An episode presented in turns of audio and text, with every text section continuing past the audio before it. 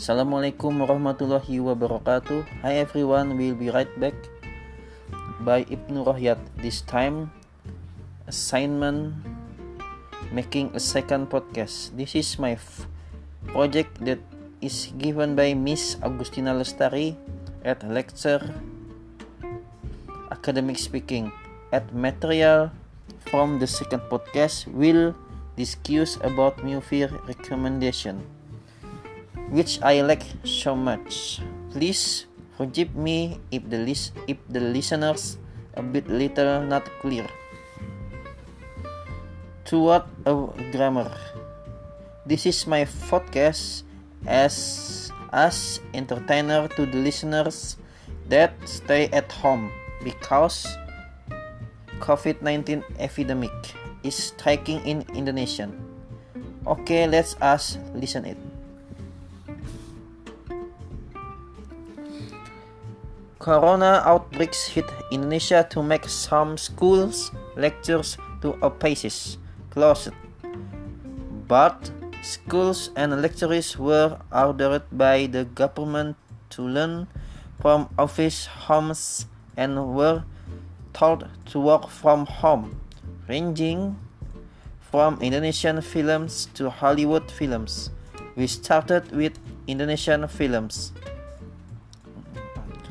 With, of course, I also like to watch in my spare time.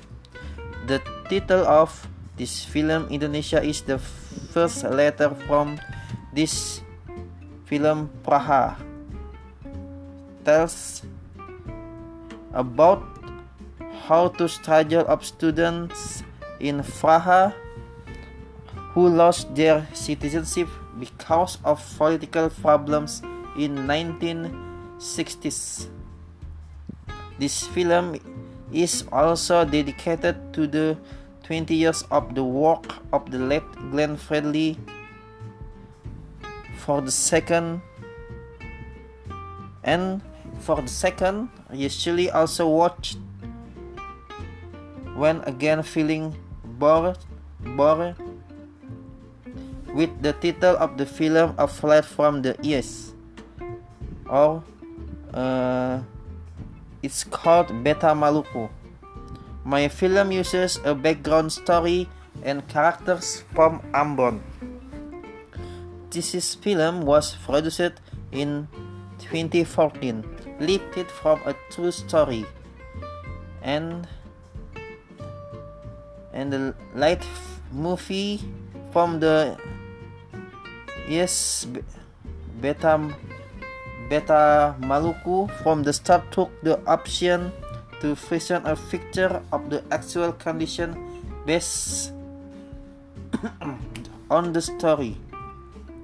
The film that received an award as the best film in Indonesian Film Festival and the next film that I think is funny and can also make time forget if there is at home and with the title this movie is too the movie is terlalu tampan. This comedic genre is comic type absurd. Comics that are supported by visual effects like this style can make you laugh a lot. Movies these movies starring Ari Irham and Nikita Willy. I highly recommend watching because the film can make hypnotize from the hollow, hollowness and his will.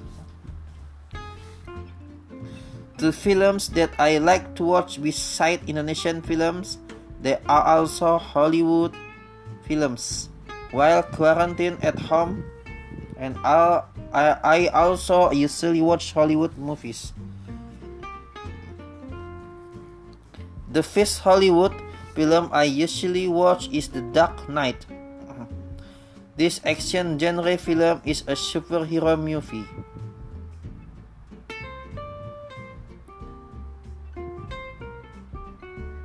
With the same template with MCU films. but a few few I prefer to focus on darker and more intense themes. Joker, starring Joaquin Phoenix, is great, but it's difficult to call it a superhero film. This is different from The Dark Knight, who also becomes the stage of a Joker who qualifies as a superhero film. Directed by Christopher Nolan, hmm, Christopher Nolan, it's good, and starring Christian Bale, is really, really my favorite actor in Hollywood. As Batman, The Dark Knight is a far more scary movie than most mainstream superhero films. Talk this film, Gotham is truly portrayed as a very dark flesh. Christian Bale appearance is great, but Heath Ledger is far better than him. Ledger succeeded in bringing the figure of the Joker to a dangerous level of madness, which became his last major role.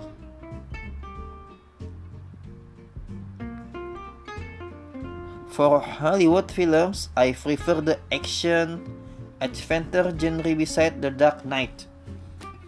And uh, the last film, the, last film I really really like to watching at home uh, while while feel while while feel while I'm feeling bored.